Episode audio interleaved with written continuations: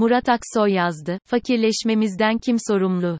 Erdoğan uçakta, faiz lobileri kuduruyor, diyor ama döviz fiyatları yükselmeye devam ediyor.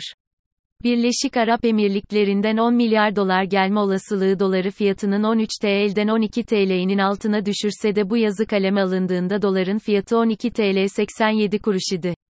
Peki neden? Elbette büyük fotoğrafta ekonomide yaşadığımız sorunların temel nedeni 2017 referandumu sonucunda 2018'de geçilen Türk tipi Alaturka başkanlık sistemidir. Bu sistem ile siyasetin alanı daralırken, demokrasi, hukuk, temel hak ve özgürlükler Cumhurbaşkanının iradesine bırakılmıştır. Keyfiliğin kurumsallaştığı, adı demokrasi olsa da uygulamanın tek adam rejimine dönüştüğü bu sistemde siyasal güvenin olmaması, hukukun güven vermemesi, bağımsız kurumların, örneğin Merkez Bankası, bağımsızlığının kağıt üstünde kalması, devlet kurumunun ölçtüğü verilere, örneğin TÜİK güvenin olmaması içinde olduğumuz ekonomik krizin temel nedenidir. Sistemin yol açtığı makro sorunlara ek olarak mikro alanda AKP Genel Başkanı ve Cumhurbaşkanı Erdoğan ile ekonomi danışmanlarının tercihlerine dayanan anlayış ve ekonomik varsayımlarının yol açtığı sorunlar, makro alandaki ekonomik krizi daha da derinleştirmektedir. Bu anlayışın en tipik örneği Erdoğan'ın ekonomist sıfatı ile ifade ettiği faiz sebeptir, enflasyon neticedir. Varsayımıdır. Bu ifadenin gerçek olma olasılığı sıfır iken, bu politikada inat etmek, faizleri düşürmeye devam etmek Don Kişot'un yel değirmenleriyle savaşını andırmaktadır. Dahası Erdoğan'ın faizi düşürme gerekçesini, NASA dayandırması da hayli ironiktir.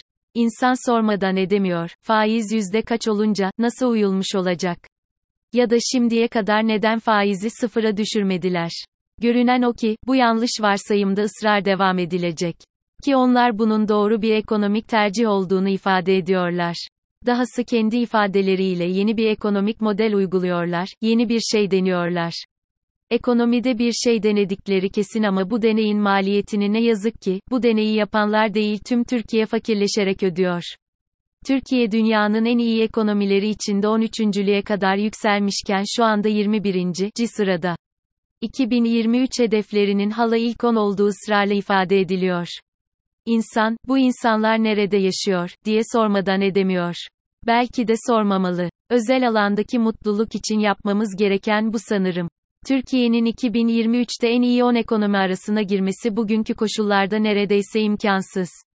Çünkü ekonominin iyileşmesi bu yönetim anlayışı ve onun dayandığı zihniyetin değişmesiyle doğrudan bağlantılıdır. Oysa siyasi iktidar, kendisine yönelik tüm eleştirileri hainlikle, terörle ve dış mihraklarla ilişkilendirerek ötekileştiriyor. Kendi siyasal iktidarını, ülke bekası ile örtüştürüyor ve bunu da dinbazlık ve milliyetçiliğe dayandırıyor.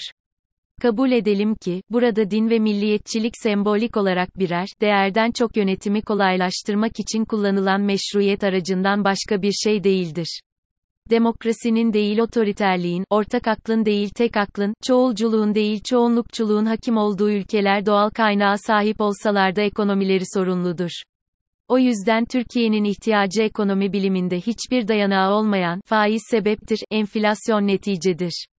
İnadından vazgeçilerek siyasete, demokrasiye, hukukun üstünlüğüne ve temel hak ve özgürlüklere dönüştür. Türkiye'yi ekonomide de üst lige çıkaracak olan bunlardır. Son olarak Erdoğan uçaktaki konuşmasında kurlardaki değişimi, iktisadi temeli olmayan hareketler olarak tanımladı. Doğru çünkü temel neden siyasi. Ama aynı Erdoğan'ın şunu da kabul etmesi gerekiyor, faiz sebeptir, enflasyon neticedir, tezinin de aynı şekilde hiçbir iktisadi temeli yok.